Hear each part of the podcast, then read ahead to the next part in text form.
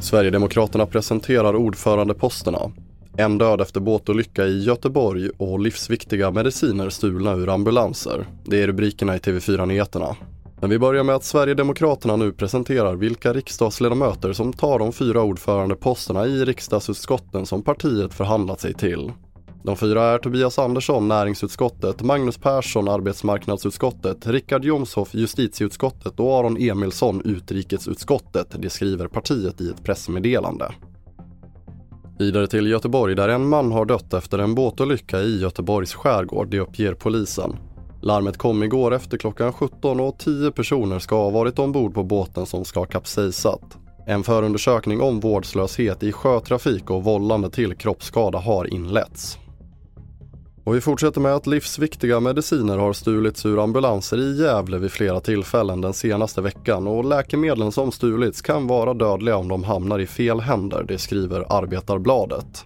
Stölderna upptäcktes i måndags när personal märkte att det saknades narkotikaklassade mediciner i akutsjukvårdsväskor i ambulansbilarna och Region Gävleborg har anmält stölderna och inlett en internutredning.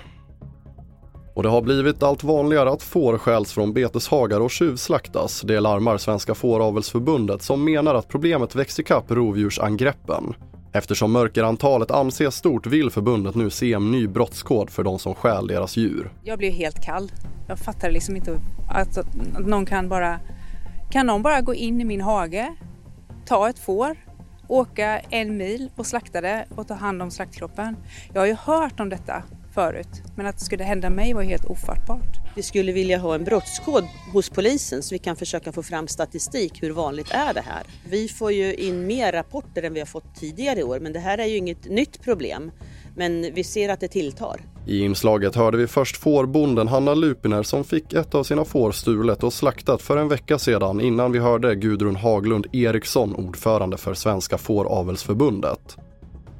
Och det sätter punkt för TV4 Nyheterna. Fler nyheter hittar du på tv4.se. Jag heter André Meternan Persson.